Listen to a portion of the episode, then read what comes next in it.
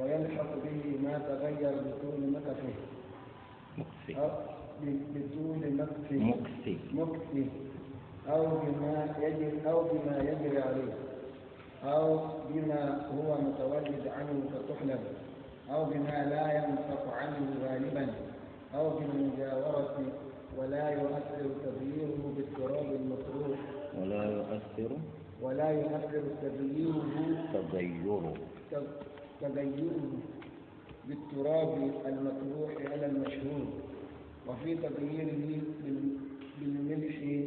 وفي تغيره وفي تغيره وفي تغيره بالملح ثلاثة أقوال. يفرق في الثالث بين. المعدن والم- والمصنوع. يفرق. ليس يفرق يفرق مبني على المجهول. يفرق في في الثالث بين المعدن والمعصوم. بين. المعدني بين المعدني والمصنوع. وفي تغييره. وفي تغيره وفي تغيره بسقوط الورق ثلاثة أقوال. يفرق يفرق في ثالث بين زمان كثرته.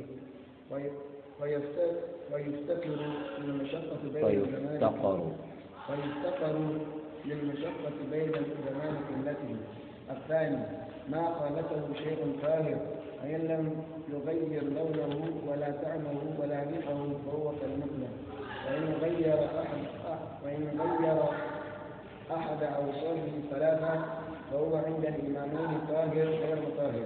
وعند أبي حنيفة طاهر مطهر ما لم يطبخ أو يغلب عليه أجزائه الثالث ما خالفه شيء منه وإن غيره فهو غير فهو غير فهو غير طاهر ولا مطهر إجماعا ولو زال تغي- ولا زال تغي- ولو زال تغيير فلو زال تغير النجاسة. ولو زال تغير النجاسة تقولان.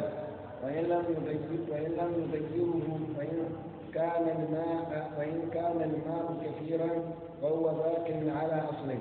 ولا حد لكثرة في المذهب ولا حد. ولا حد لكثرة في المذهب وحده الشافعي بقلتين من خلال هجر وهما نحو خمس قرب وحده وهما؟ وهو وهما؟ وهما نحو خمس قرب. قرب. كرب وحده أبو حنيفة لأنه إذا حرك إذا حرك طرفه إذا حرك طرفه. إذا حرك طرفه لم يتحرك الطرف لم يتحرك طرف طرف الآخر. وإن كان قليلا ولم يتغير فهو نجس اتفاقا للشافعي وأبي حنيفة وقيل مكروه وقيل مشكوك ويجمع بينه وبين التيمم الرابع الماء المستعمل في الوضوء. الماء؟ الماء الماء المستعمل. مستعمل. الماء المستعمل في الوضوء أو الغسل. إذا لم يغيره الاستعمال فهو طاهر مطهر ولكن يكره مع ولكن يكره. ولكن يكره مع وجود غيره. وقيل طاهر غير مطهر اتفاقا للشافعي. وقيل مشكوك ويتوضا به ويتوضا به ويتيمم. وقال أبو حنيفة هو نجس وفضل الجلد. والحاحد طاهر وفضل الجنب وفضل الجنب والحامل طاهر مطهر. ويجوز أن يتطهر الرجل بفضل المرأة خلافا لأبي لابن حنبل. ويجوز الأكل بخلافا لقول الخامس الماء الذي نبذ فيه التمر. الماء الذي الماء الذي نبذ فيه التمر. نبذ. نبذ فيه التمر. نبذ فيه نبذ فيه تمر. أو غيره. أها. نبذ فيه تمر أو غيره. إن أكثر فهو نجس. وإن لم يذكر وتغير وإن لم يسكر وإن لم يذكر والتغيير وتغير. وإن لم يسكر وتغير. وإن لم يذكر وتغير فهو طاهر غير طاهر. وحكى عن هنا وإن لم يسكر وتغير وهو مطهر. ماذا عندك؟ فهو وإن لم يذكر وتغير فهو طاهر غير مطهر. وحكى عن أبي حنيفة. وحكي. وحكي عن أبي حنيفة أنه أجاز الوضوء للنبي وحكي عنه رجع عنه نعم خلاص.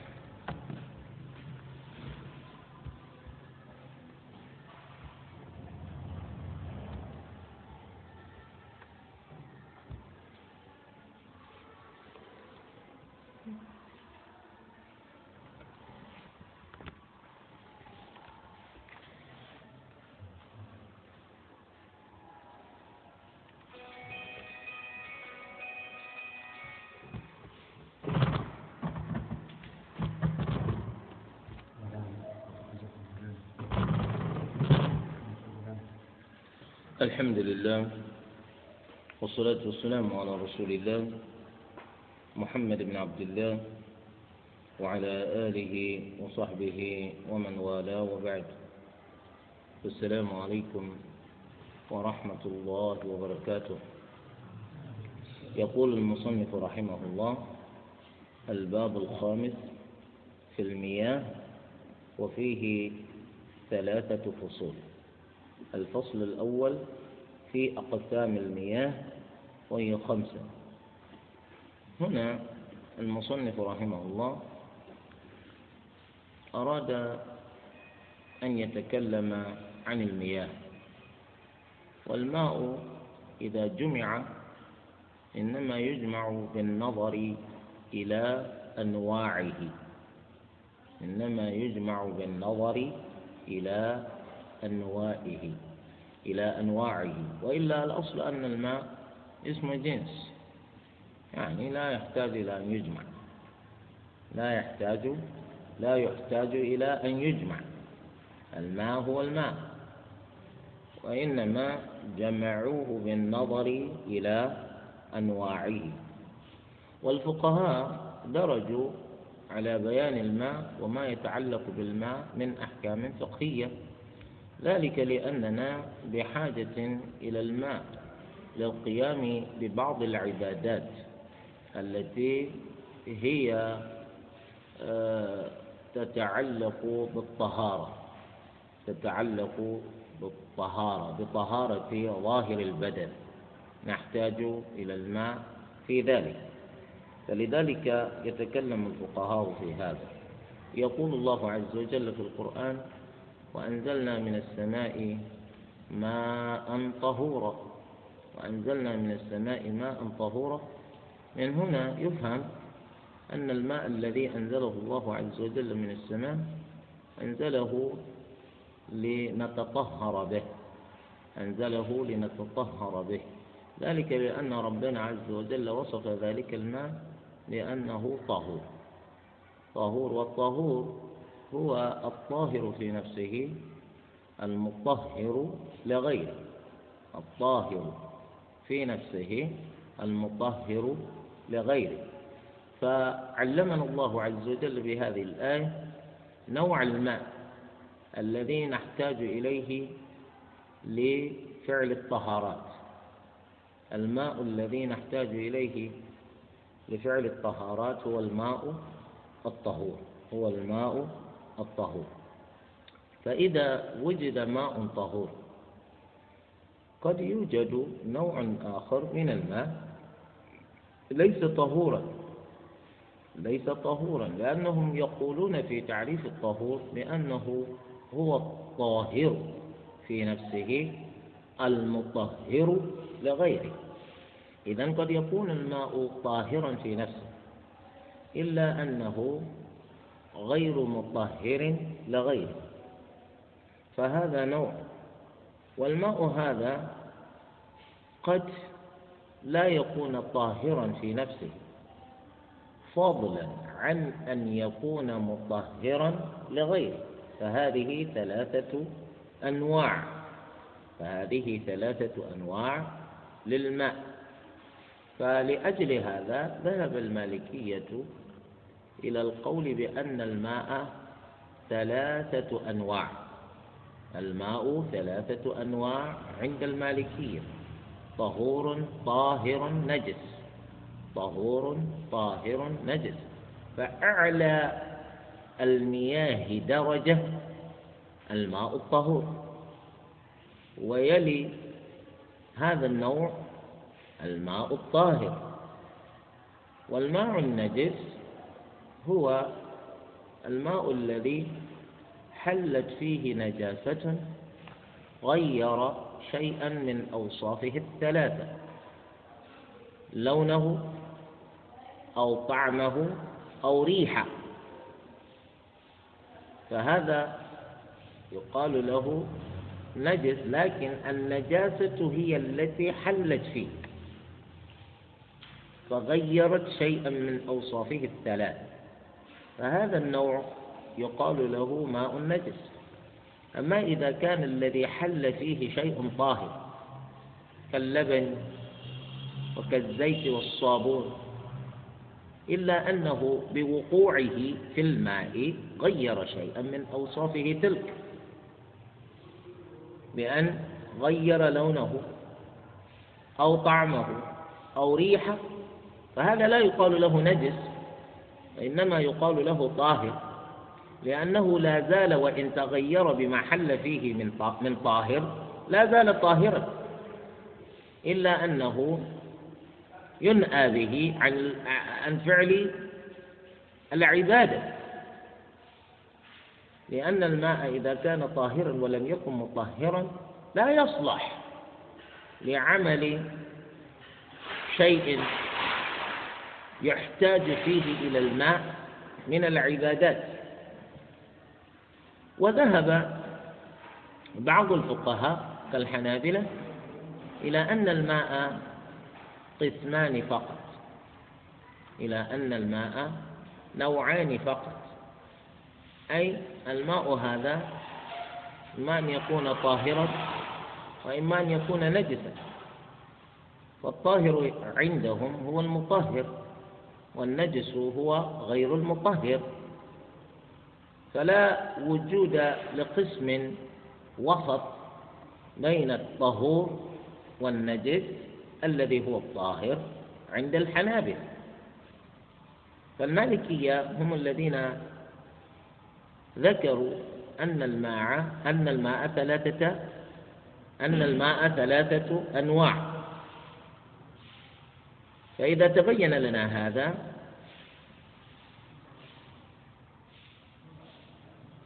يكون المختار عندنا نحن هو أن الماء ثلاثة أنواع هذا هو الصواب إن شاء الله وهو الأصح لماذا؟ لأن القول بأن الماء نوعان فقط قول يجانبه الصواب فيما يتعلق بالماء الذي حل فيه شيء طاهر غير شيئا من أوصافه الثلاثة. فمثل هذا الماء يوجد بلا شك. ولا يصح الطهارة لا من الحدث ولا من الخبث بمثل هذا النوع من الماء. فلأجل هذا القول بعدم وجوده قول يجانبه الصواب. المطهر بالاتفاق موجود والنجس بالاتفاق موجود وإنما الخلاف في الطاهر. والإمام أبو حنيفة أيضا قوله لا يختلف كثيرا عن قول الإمام أحمد فيما سيظهر أنه يقول الماء يكون طاهرا أو يكون نجسا والطاهر هو المطهر. والطاهر هو المطهر.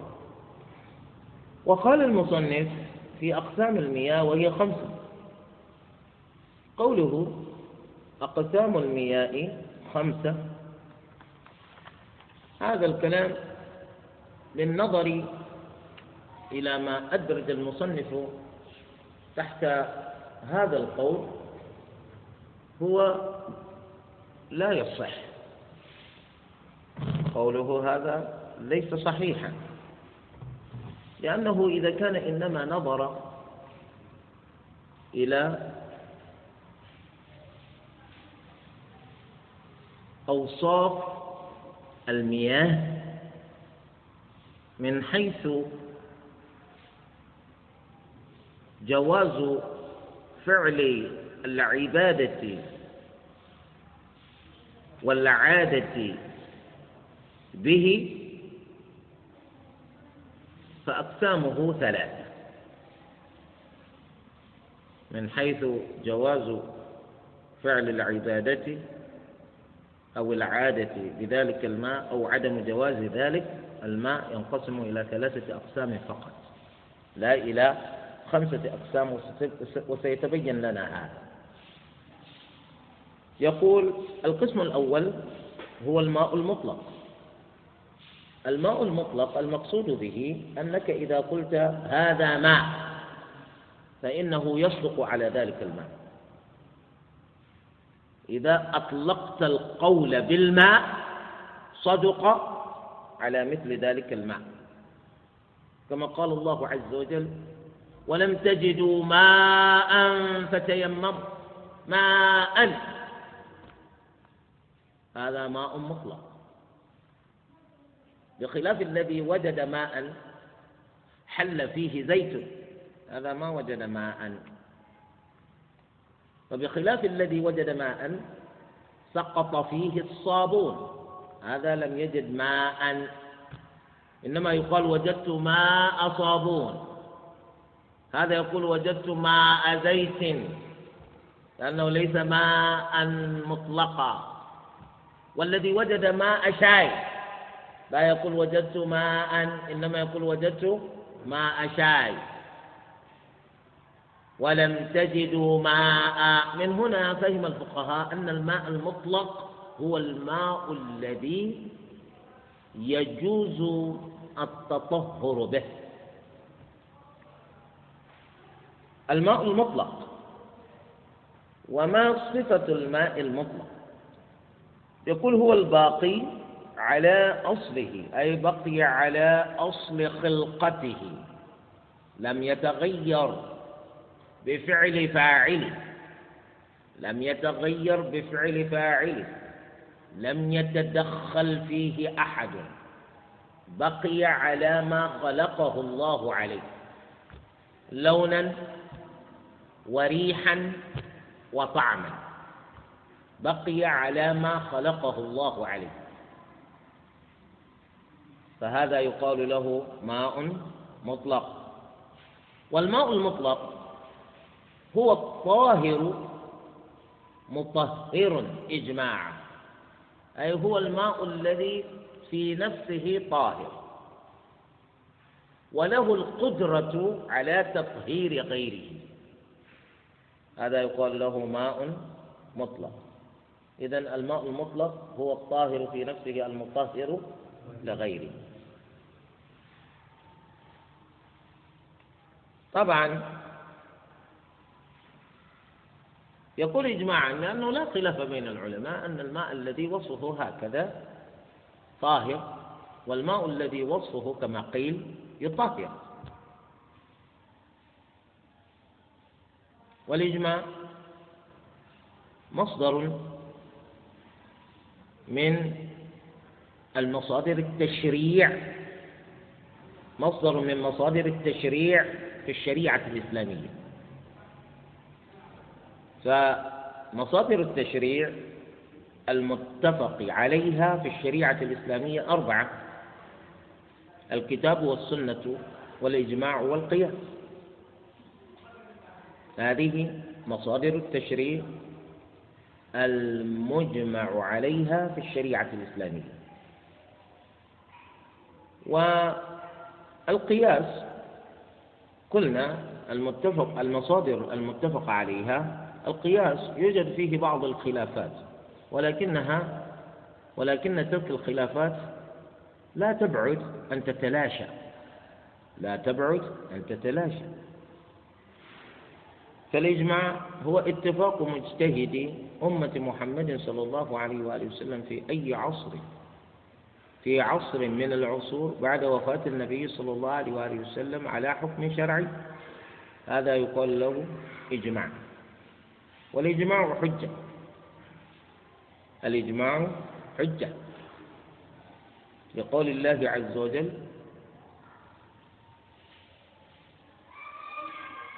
ومن يشاقق الرسول من بعد ما تبين له الهدى نوله ما تولى ونصله جهنم وساءت مصيرا. فالإجماع حجة. اتفاق مجتهدي أمة محمد صلى الله عليه وآله وسلم. لابد أن يكون الذين اتفقوا مجتهدين. ومن أمة النبي صلى الله عليه وآله وسلم. لا يكونوا مبتدئين بل مجتهدون. ولا يكونوا من أمة أخرى بل من أمة النبي صلى الله عليه وآله وسلم في أي عصر من العصور. لكن بشرط أن يكون بعد وفاة النبي صلى الله عليه وآله وسلم على حكم شرعي لا على حكم عقلي ولا على حكم رياضي ولا على حكم عقلي ولا على حكم عادي. لا بد أن يكون اتفاقهم على حكم شرعي.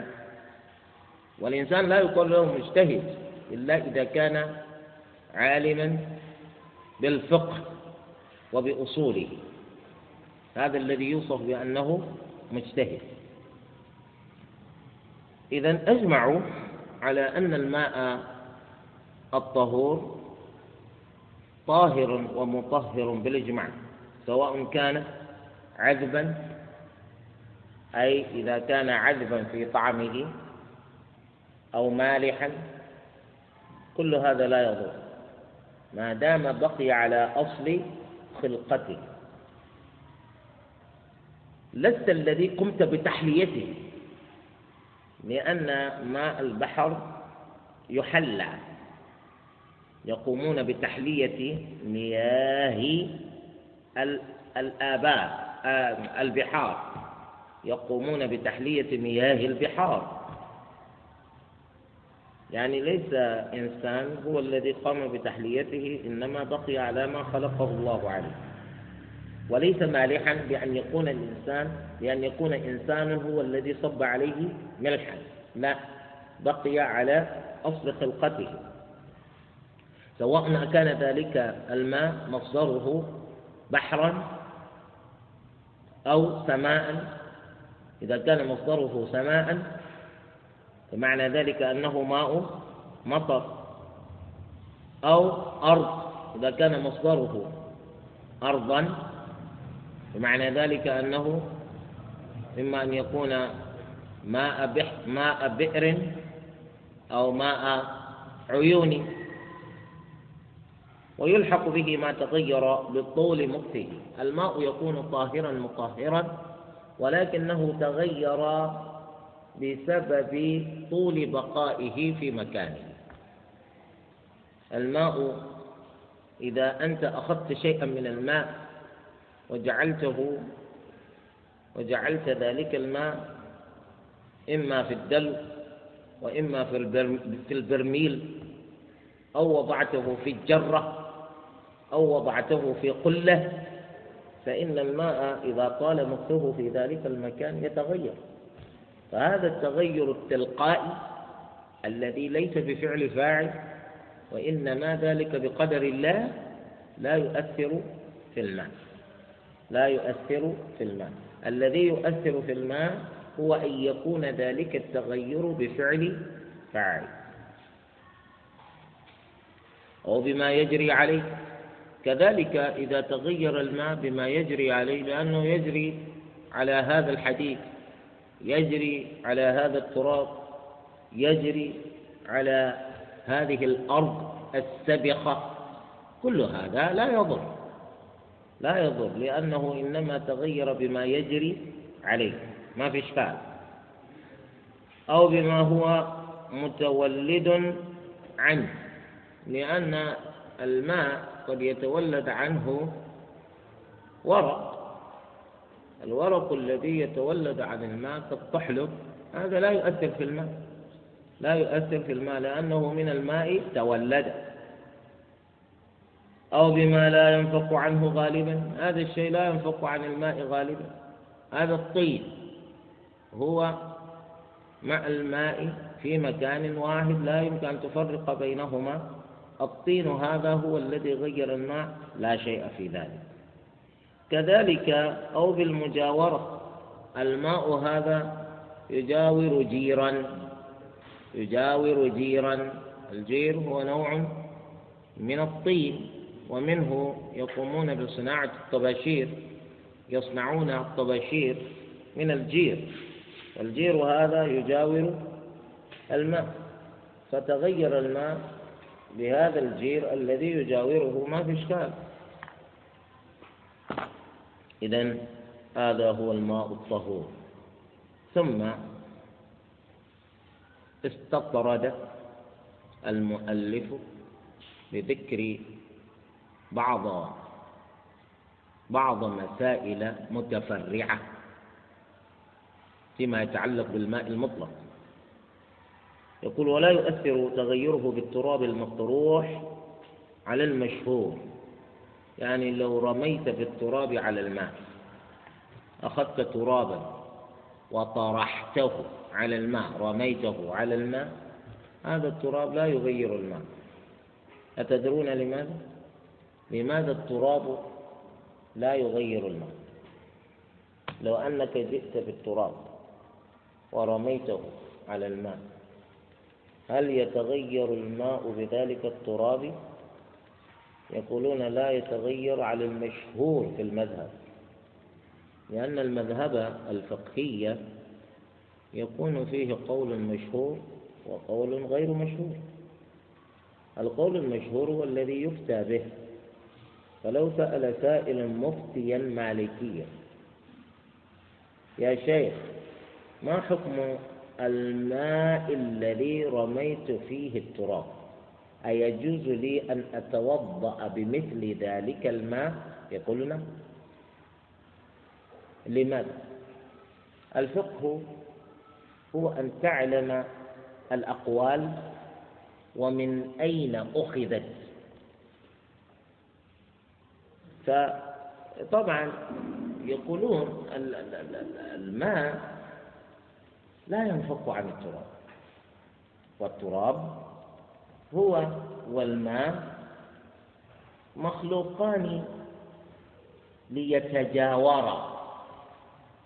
الماء دائما يجاور التراب لأن الماء إذا إذا نزل من السماء واستقر في الأرض إذا استقر على الأرض أو في الأرض على الأرض أو في الأرض فإنه يكون مجاورا للتراب.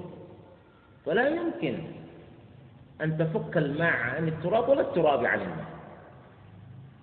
فبما أن الماء في أصل خلقته يبقى مع التراب مجاورا فطرحه عليه غير مؤثر كما لا يؤثر وجودهما معا في مكان واحد. كذلك لو طرح على الماء. هذا شيء. يقول المشهور إذا في قول آخر. القول الآخر هذا هو هو أنه يؤثر. وما توجيه ذلك القول يقول لأن الماء بطرح التراب عليه يتغير.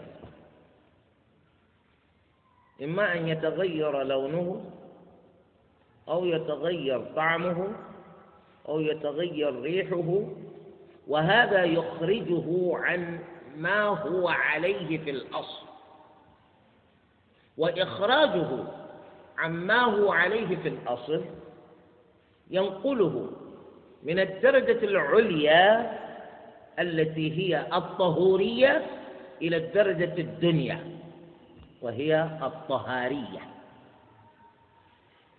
فبعد أن كان ذلك الماء طهورا يصير طاهرا لماذا؟ لتغير أو لتغير شيء من أوصافه الثلاثة اللون أو الطعم أو الريح.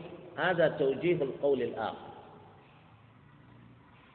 والقول المختار عندنا في هذا أنه لا يتغير أن الماء يبقى كما هو وإن طرحت الماء عليه فإن طرحك وإن طرحت التراب عليه فإن طرحك التراب فإن طرحك التراب عليه لا يؤثر لأن الماء خلق ليجاور التراب. والمتفق عليه في الفقه الإسلامي أن علاقة المجاورة غير مؤثرة بخلاف علاقة المخالطة فهمتم؟ علاقة المجاورة غير مؤثرة بخلاف العلاقة المخالطة مسألة كيف إذا تغير إذا طرح إذا طرح الملح في الماء. أنت جئت بالملح فرميته في الماء. أيجوز أيجوز أن نتطهر بمثل هكذا الماء؟ ثلاثة أقوال. يفرق في الثالث بين المعدني والمصنوع. ثلاثة أقوال دائما في الفقه. معناه يجوز لا يجوز التفصيل.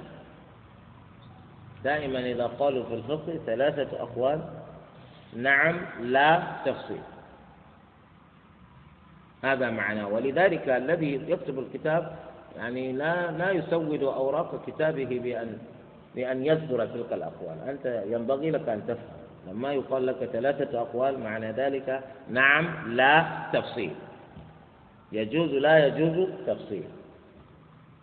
ولذلك هو يختصر في ذكر القول الثالث الذي هو القول بالتفصيل. يقول والثالث يفرق في الثالث بين المعدني والمصنوع. أي القول الأول أن أن طرح الملح على الماء يؤثر. أو نقول طرح الملح على الماء مؤثر. قول والقول الثاني طرح الملح على الماء لا يؤثر. الثالث يؤثر إذا كان الملح مصنوعا بخلاف ما إذا كان معدنيا. إذا هذه هي الأقوال الثلاث. يعني واحد يؤلف كتابا فذكر هذه الأقوال الثلاثة بهذا التفصيل وعزى إلى هذا الكتاب. يقول انظر القوانين الفقهية صفحة كذا. وأنت جئت, إلى هذا الكتاب الرجل يقضي. هذا الكلام لا يوجد هذا الكلام لا يوجد. هو يعزو إلى حيث لا كلام هكذا يكذبون. أنت الذي لا تفهم شيئا. فهمتم؟ لأنهم يقولون وكم من عائب قولا صحيحا وآفته من الفهم السقيم يعني هو الذي لا يفهم شيئا فهمتم؟ ولكنه يقول هذا الكلام لا يصح. الكلام يصح. أنت الذي لا تفهم فهمك مريض. لو ذهبنا بفهمك إلى المستشفى لما وجدوا له دواء. فهمتم هذا؟ أيوه. فلذلك هكذا عندما يؤلف الناس الكتب أنت ينبغي أن تكون فاهما أنت هذا الكلام الذي أجمل تفصله. وإذا فصلته يعني ثم أحلت إلى هذا تقول انظر كذا. أنا أتتبع أريد أن أعرف مدى صدقك من كذبك. ثم جئت هنا قلت أين أين؟ من أول الصفحة إلى نهاية الصفحة أنا ما وجدت ما وجدت هذا الكلام. الكلام موجود يا رجل. موجود. أنت الذي لا تفهم. إذا لماذا خالف القول في الملح إذا طرح في الماء عن القول في التراب إذا طرح في الماء؟ من يعرف لماذا في التراب قولان؟ في الملح ثلاثة أقوال. لماذا ما قال والمشهور أن الملح إذا طرح في الماء لا يؤثر. كما قال المشهور في التراب إذا طرح في الماء لا يؤثر. لماذا هناك لا يؤثر في المشهور وهنا أقوال ثلاث من يعرف؟ أن الأصل في التراب أن التراب أكثر وجودا من الملح. أن التراب أكثر وجودا من الملح. هذه مقدمة. لأن أنت إذا قلت التراب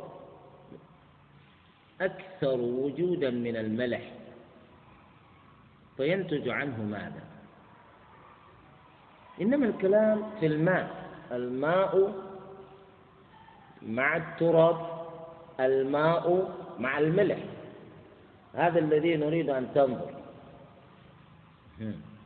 إذا قلت لأن الماء أكثر وجودا مع التراب بخلاف وجوده مع الملح. هذا قد ينظر فيقال نعم. وهل هذا يصح؟ مياه الآبار البحار. مياه البحار والمحيطات. مياه مالحة. وأنتم تعرفون كم؟ كم من هائلا للماء الموجود في البحار والمحيطات. إذا نظرنا من هذه الجهة فنقول وجود الماء مع الملح أكثر. لأن الماء إذا نزل مطرا فإنه لا يكون مالحا. وغالب المياه التي في الآبار غير مالحة. ومياه العيون غير مالحة. اللهم إلا إذا كان الماء هذا يعني ينبع من أرض سبخة لكن أغلب المياه التي تأتي عن المطر وفي الآبار وفي الأنهار غير مالحة. وهل هي الأكثر عددا أو الماء الذي الذي في البحار والمحيطات؟ أيهما أكثر؟ وأنتم تعلمون أيضا أن الماء إذا نزل مطرا فإنه يجري سيله إلى البحار والمحيطات. وتتحول إلى مالحة ومع ذلك يجوز لنا أن نتطهر به. يجوز لنا أن نتطهر به. يقول العلماء أن الله عز وجل خلق الماء خلق الماء وجعل موطنه التراب في الغالب. خلق الله الماء وجعل موطنه التراب في الغالب. بما في ذلك المياه التي في البحار والمحيطات. تلك المياه هي أيضا تسكن على التراب. فلذلك لو طرح التراب على الماء لا يكون غريبا بخلاف ما إذا طرح الملح على الماء يكون غريبا. فهمتم؟ ثم ثانيا يقولون آه الغالب الغالب عدم طرح الملح في الماء. هذا الغالب. الغالب عدم طرح الملح على الماء. والغالب طرح التراب على الماء. والحكم للغالب الأكثر لا للنادر الأقل. هذا هو. ثم يقول وفي تغيره بسقوط الورق ثلاثة أقوال. الورق أوراق الشجر. أوراق الشجر. تسقط أوراق الشجر على الماء. وهذه الأوراق التي تسقط على الماء تغير لون الماء أو طعمه أو ريحه.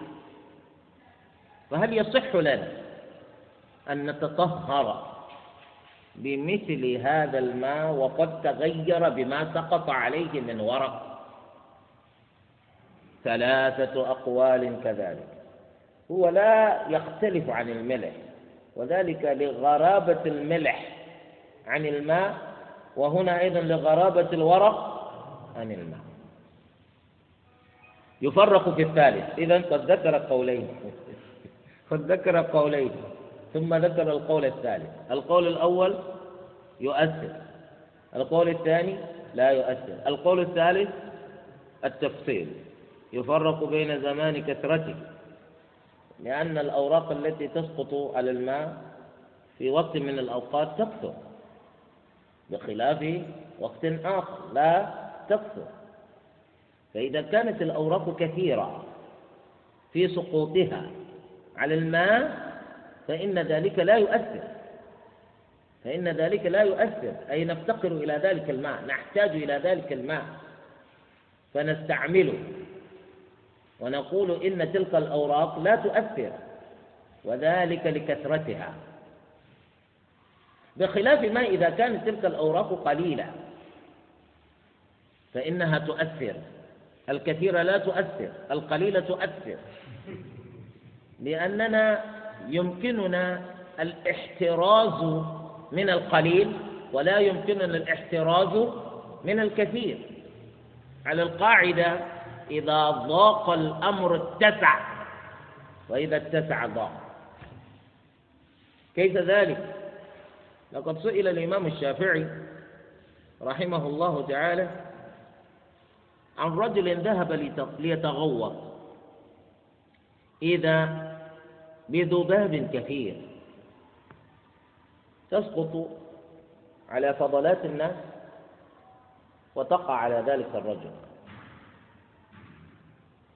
تأكل مما في الأرض من غائط ثم تأتي لتسقط على جسم هذا الرجل الذي ذهب ليتغوى. قالوا يا إمام هل هذا الإنسان مطالب بأن يتطهر قبل أن يصلي يغتسل؟ قال لكثرة الذباب لا لأنه إذا إذا ضاق الأمر اتسع. أرأيت لو كان الذباب واحدا؟ يقول لا بد أن يكثر لأنه إذا اتسع ضاق. هكذا هنا. إذا كانت الأوراق كثيرة ضاق الأمر. نقول استعملوا الماء. فإذا كانت كانت الأوراق قليلة يمكن الاحتراز منها. لا لا تتطهروا بمثل ذلك الماء. لأنه قد تغير. لماذا لم يتغير قبل؟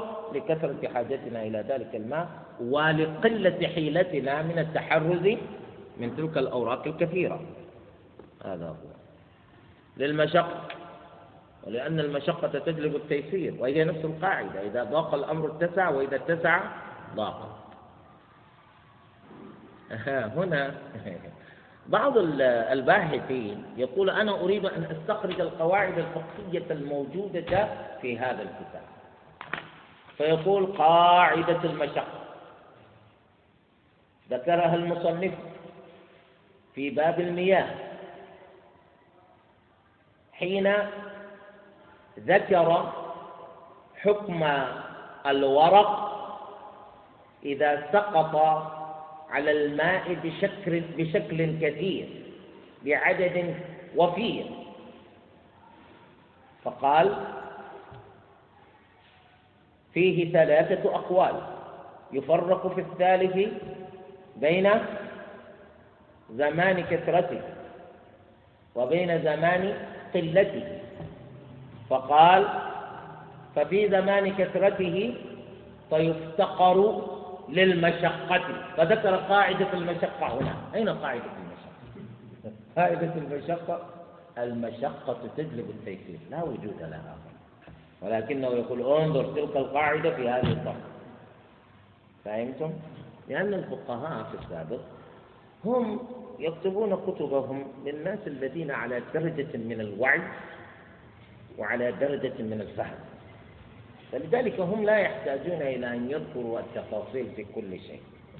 يقول للمشقة. أنا الآن لو كتبت ما كل المشقة أقول لأن لأن في الاحتراز من هذه الأوراق الكثيرة مشقة. وقد تقرر في الشريعة أن المشقة تجلب التيسير يعني بالسهولة هكذا. وأولئك ما يكتبون هكذا هم يكتبون بأسلوب جزل. إذا للمشقة. وبين زمان قلته لأنه يمكن والدليل هذا التعليل لإمكان التحرز. لإمكان التحرز منه إذا كان قليلا. الثاني النوع الثاني إذا النوع الأول هو الماء المطلق. والماء المطلق هو الذي بقي على أصل خلقته. وهو الذي يقال له ماء طهور. لأنه طاهر في نفسه مطهر لغيره. وهو الذي لم يتغير شيء من أوصافه الثلاثة لونه طعمه أو ريحه. وهذا النوع من الماء قد يكون ماء مطر أو ماء بئر أو ماء عين أو ماء بحر أو ماء نهر. ما دام باقيا على ما خلق عليه. هذا يقال له ماء طهور. الثاني ما خالطه شيء طاهر. الماء هذا طهور في الأصل ولكنه خالطه شيء طاهر. وهذا الشيء الطاهر كاللبن كالزيت كالصابون كالشاي كالبنزين ونحو ذلك. هذا الشيء تحققنا من وقوعه في الماء لا شك عندنا أن هذا الشيء الطاهر موجود في الماء دخل في الماء. ولكننا جئنا نتحسس جئنا نبحث في هذا الماء. هل تغير لونه؟ هل تغير طعمه؟ هل تغير ريحه؟ فوجدنا أن لونه لم يتغير ولا ريحه تغير ولا طعمه تغير لا تغير شيء من أوصافه الثلاث. فنقول الماء هذا إذا لا زال طهورا. لا زال طهورا. لأنه وإن خالطه طاهر إلا أن ذلك الطاهر لم يغيره. ذلك الطاهر لم يغيره فلذلك لا يزال ذلك الماء طهورا. فهو كالمطلق هذا هو الصواب. فلذلك يقول الفقهاء الماء يبقى طهورا ما لم يتغير لونه ولم يتغير طعمه ولم يتغير ريحه. كما سئل النبي صلى الله عليه وآله وسلم عن بئر بضاعة. بئر بضاعة بئر في المدينة. وهذه البئر يتقي الناس منها. ويقضون حوائجهم اليومية التي يحتاجون لقضائها إلى الماء بماء بئر بضاعة. وبئر بضاعة بئر يلقى فيها الأوساخ ويلقى فيها الخرق التي استعملتها النساء في حيضهن. وربما رموا فيها موت الكلاب. وسألوا النبي صلى الله عليه وسلم عن ماء بئر بضاعة. بعد أن ذكروا له وهو ما يفعل فيه ويفعل فيه ويفعل فيه. أيجوز لنا أن نتطهر به؟ فقال النبي صلى الله عليه وسلم إن الماء طهور لا ينجسه شيء. إن الماء طهور لا ينجسه شيء. أي ما دام ذلك الماء لم يتغير لونه ولم يتغير طعمه ولم يتغير ريحه. فقد جاء مصرحا به أي هذه الأوصاف لقد أتت هذه الأوصاف مصرحا بها في حديث أبي أمامة الباهلي رضي الله عنه. أن النبي صلى الله عليه وسلم قيل إنه قال إن الماء طهور الماء طهور لا يغي لا ينجسه شيء إلا ما غير لونه أو طعمه أو ريحه إلا أن هذا الحديث ضعيف. يقول الإمام النووي هذا لا يصح إلى النبي صلى الله عليه وآله وسلم مرفوعا وإنما العمل قائم به بالإجماع. العلماء يقولون به بالإجماع. أي أجمعوا على أن الماء إذا تغير لونه أو طعمه أو ريحه لم يجز لم تجز التطهر به.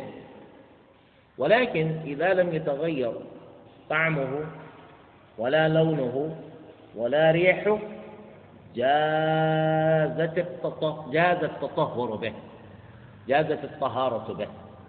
إذا فهمنا هذا من هنا أخذ العلماء أن الماء طهور ما لم يتغير شيء من أوصافه الثلاثة. هذا بالإجماع.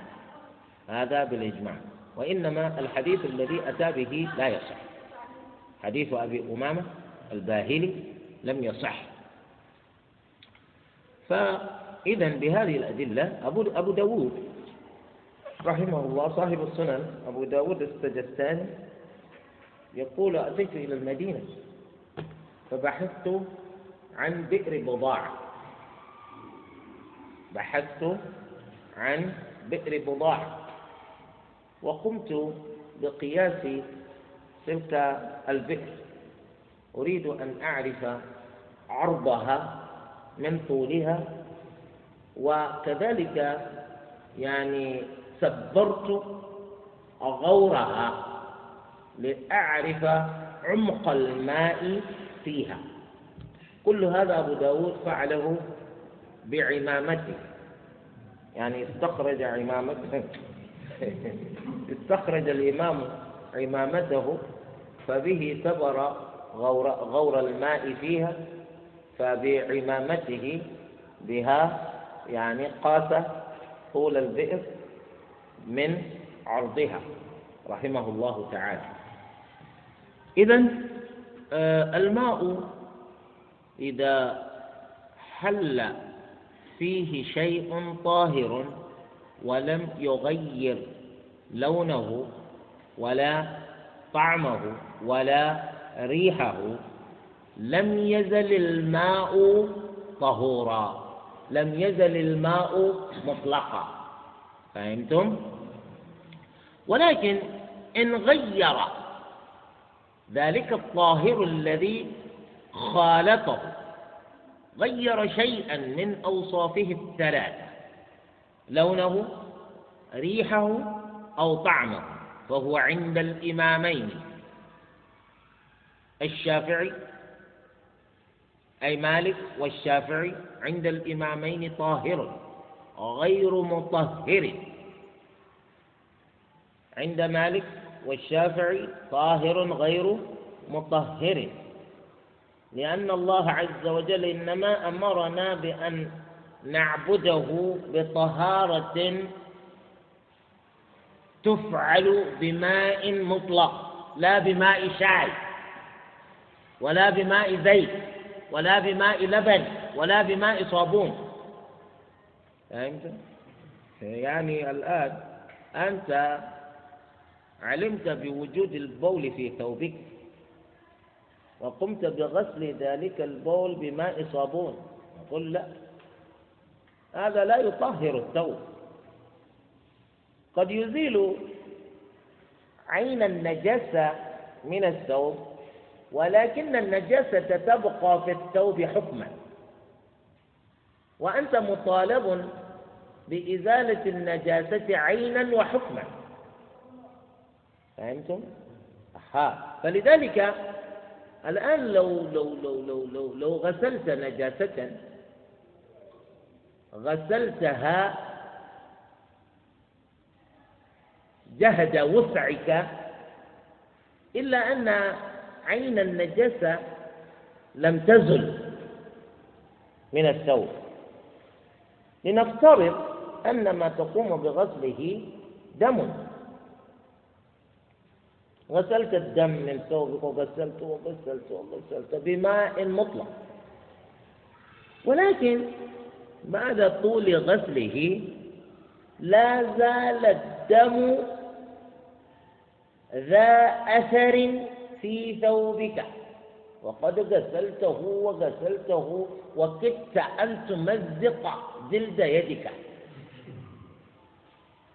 النبي صلى الله عليه وسلم ذكر أنك إذا فعلت ذلك يكفيك ولا يضرك الأثر.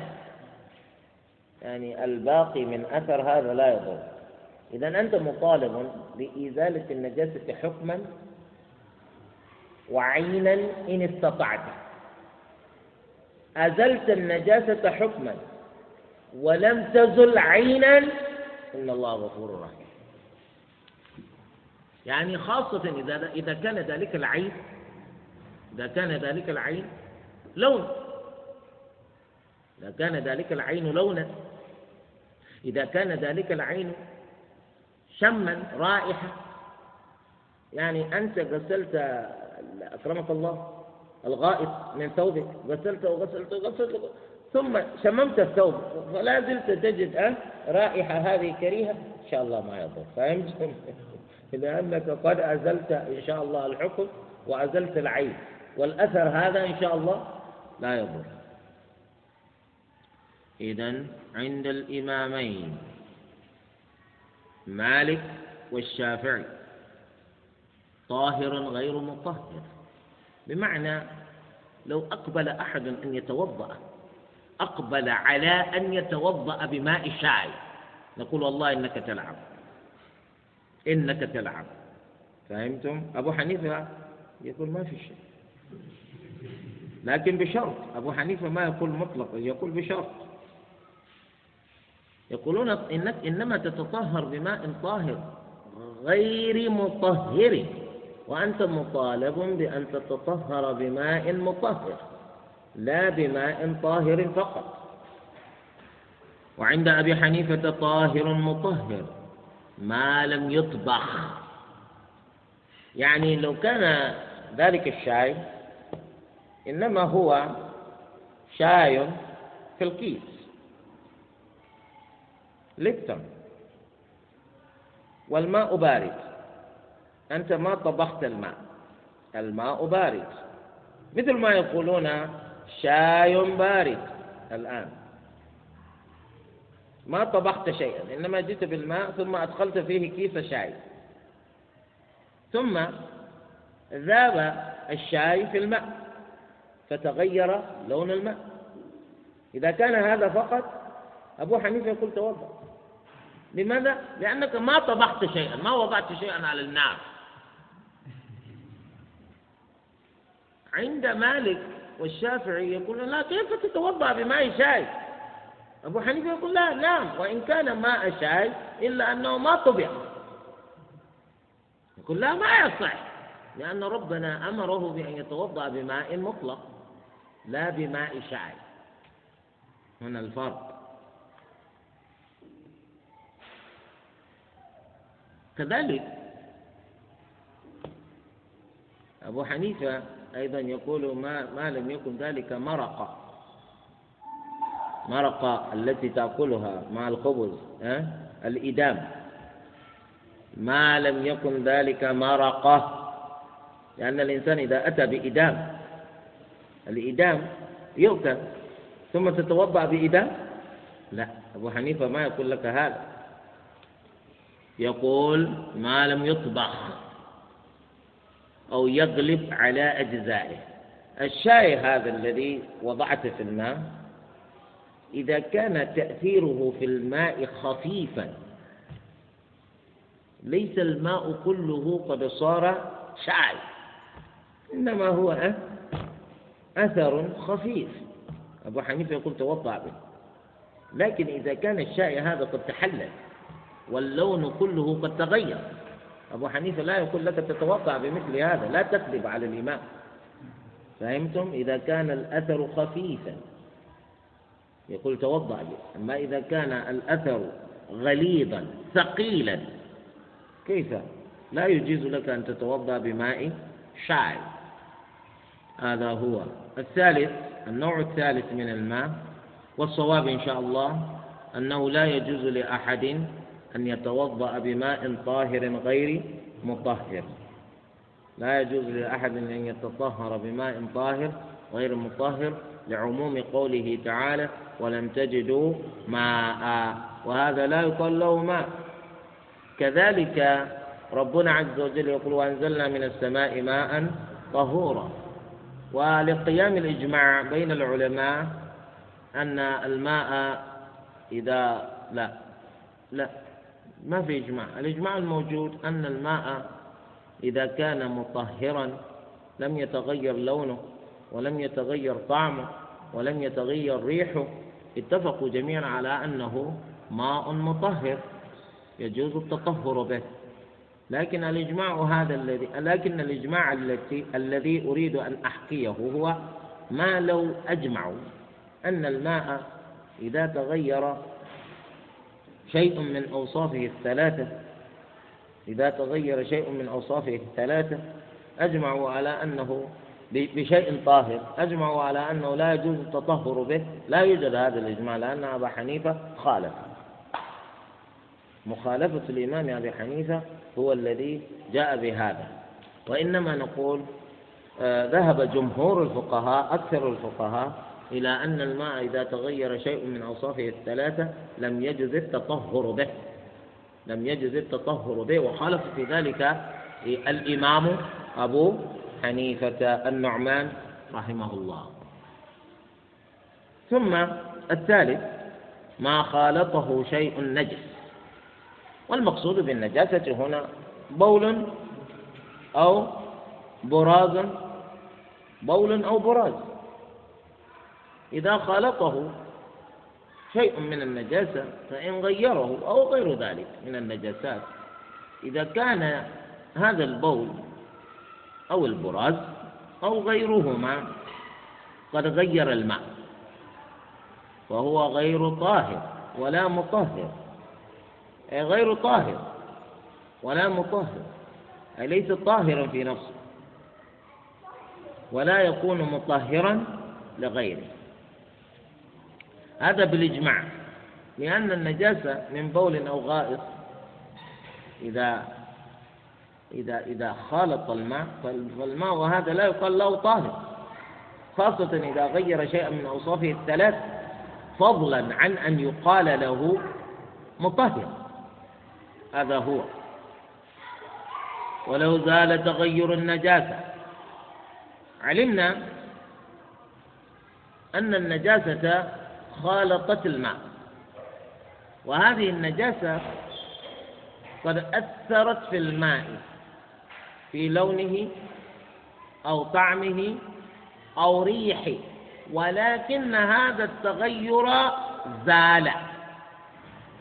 اللون الذي تغير زال. الريح رائحة الماء زالت فعاد الماء إلى ما كان عليه. والطعم الذي تغير زال هذا التغير. هل نقول الماء عاد مطهرا أو لا زال نجسا؟ هذه المسألة. ولو زال تغير النجاسة فقولان. قول بأن الماء لا يزال على نجاسته.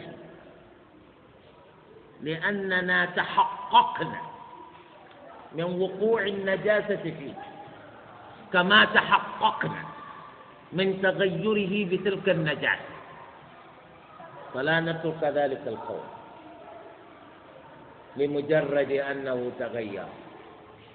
فهمتم؟ لمجرد أن ذلك التغير زال. ما نترك اليقين. لكن نقول لهم هذا الذي لا يزال الماء عليه الآن من زوال التغير يقين آخر واليقين يزول بيقين مثله فهمتم؟ فنقول نجس صار مطهرا القول الآخر يقول ما دام الماء قد زالت ما به من نجاسة فحكمه الآن أنه مطهر. فحكمه الآن أنه مطهر. لماذا؟ لأن العلماء أجمعوا على أن الماء إذا لم يتغير لونه أو طعمه أو ريحه فإنه مطهر. هذا هو القول الثاني. فقولان وإن لم يغيروا فإن كان الماء كثيرا. آه هذه مسألة. والصواب إن شاء الله هو القول بأنه بزوال تغير الماء الماء بزوال تغير الماء الذي خالطته النجسة. يبقى ذلك الماء مطهرا طهورا مطهرا. وذلك لما تقرر أن الماء الذي لم يتغير شيء من أوصافه الثلاثة هو الماء المطهر. هذا وجدنا أن لونه لم يتغير ولا ريحه لم تغير ولا طعمه تغير. إذا فهو ماء مطهر. هذا هو الصواب إن شاء الله. فإن قيل لقد تغير لونه فيما سبق. وريحه وطعمه. نقول الأصل ما آل إليه الماء لا ما كان الماء عليه قبل. أي الأصل ما صار إليه الماء الآن. بدليل أنه الآن أيضا لو تغير لونه أو طعمه أو ريحه تغير الحكم. فكذلك إذا زال التغير يتغير الحكم. لأن الحكم يدور مع العلة وجودا وعدما. وهذا هو الصواب. وعلى هذا نقول كيف ولا فرق في هذا بين أن يكون ذلك الماء قليلا أو يكون كثيرا. قد يكون ذلك الماء قليلا وقد يكون كثيرا. ولكنه يقول فإن كان الماء كثيرا إذا كان ذلك الماء الذي خالطته النجاسة فغيرت شيئا من أوصافه الثلاثة إذا كان ذلك الماء كثيرا فزال التغير فيكون ذلك الماء باقيا على أصل خلقته. فنستفيد من ذلك الماء في الطهارة. وهذا هو المعمول به اليوم. هذا هو المعمول به اليوم في العالم كله. مياه المجاري. مياه المجاري والقنوات في المدن. هذه المياه في الغالب هي مياه الفضلات. مياه مياه فضلات الناس في بيوتهم. نجاسات. هذه المياه تجمع وتعالج. وإذا عولجت فإنها تعود إلى ما كانت عليه قبل. فيعاد بتلك المياه إلى الناس في بيوتهم. فيشربونها ويتطهرون بها. أنت تشرب وتروي غليلك منه وتشرب حتى تشبع. إنما تأباء لو أخبرت بأصله. فهمتم؟ هذا موجود في أوروبا كلها. المياه التي يستعملها الناس في بيوتهم هي مياه المصاريف. مياه المجاري. تعالج وتصفى وتنظف وتعاد إلى الناس في بيوتهم. فهمتم؟ نحن الذين نرمي بكل شيء. فهمتم؟ هؤلاء يستعملون كل شيء. فلذلك سئل علماء الإسلام عن هذا اليوم ما في شيء. بناء على هذا. الماء إذا تغير بشيء نجس تغير شيء من أوصافه الثلاثة بشيء نجس ثم زال ذلك التغير أيجوز استعماله؟ نعم يجوز استعماله. هذا الصواب. هذا هو الصواب. إذا هو يقول ولا حد للكثرة في المذهب. عند المالكية لا حد للكثرة. أي أي ما حد ذلك الماء الكثير. ما له حد. إنما إذا نظرت إليه وقلت هذا كثير وليس بقليل نعم. آه، خالطته النجاسة تغير ثم زال التغير يجوز أن يستعمل. فالمالكي يقولون لأن النبي صلى الله عليه وسلم يقول إن الماء طهور لا ينجسه شيء بصرف النظر. بصرف النظر عن عن عن كثرة الماء هذا وقلته. نكتفي بهذا القدر. نسأل الله عز وجل أن يعلمنا ما جهلنا وأن ينفعنا بما علمنا وأن يزيدنا علما. سبحانك اللهم وبحمدك.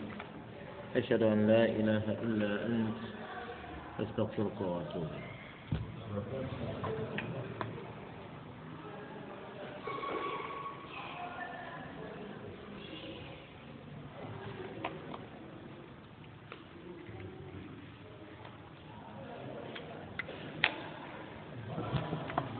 عليكم السلام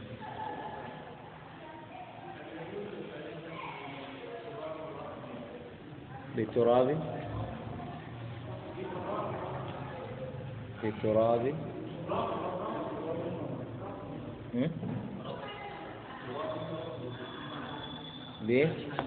بتراب رطب لا لا ما دام التراب رطبا بإمكانك أن تحصل على الماء من ذلك التراب فهمت؟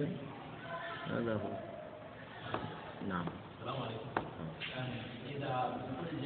لأن ربنا عز وجل يقول فامسحوا بوجوهكم وأيديكم منه منه هذا يقول العلماء إذا كان الأرض مغبرة فأنت تحتاج إلى أن تمس بشرتك بالتراب وغبارها وغباره لكنك إذا أخذت بالتراب الرطب يعني المبلل بالماء أنت تلعب. لا تتيمم إنما تلعب. نعم إذا طلق امرأة ثم قبل نهاية عدتها زوجت زوجا آخر. يفرق بينهما أبدا. هكذا يقول المالكية هذا النكاح نكاح باطل. ويفرق بينهما أبدا. الرجل هذا لا يسمح له أيضا أن يتزوج بها بعد. إنما ولو ولو الجهل ليس عذرا الجهل ليس عذرا هنا. نعم. إنما دواء العي السؤال. هي لا تعلم لماذا لا تسأل؟ يعني في بلادهم الناس كلهم جهلاء. والذي عقد بينهما جاهل كذلك؟ سبحانك اللهم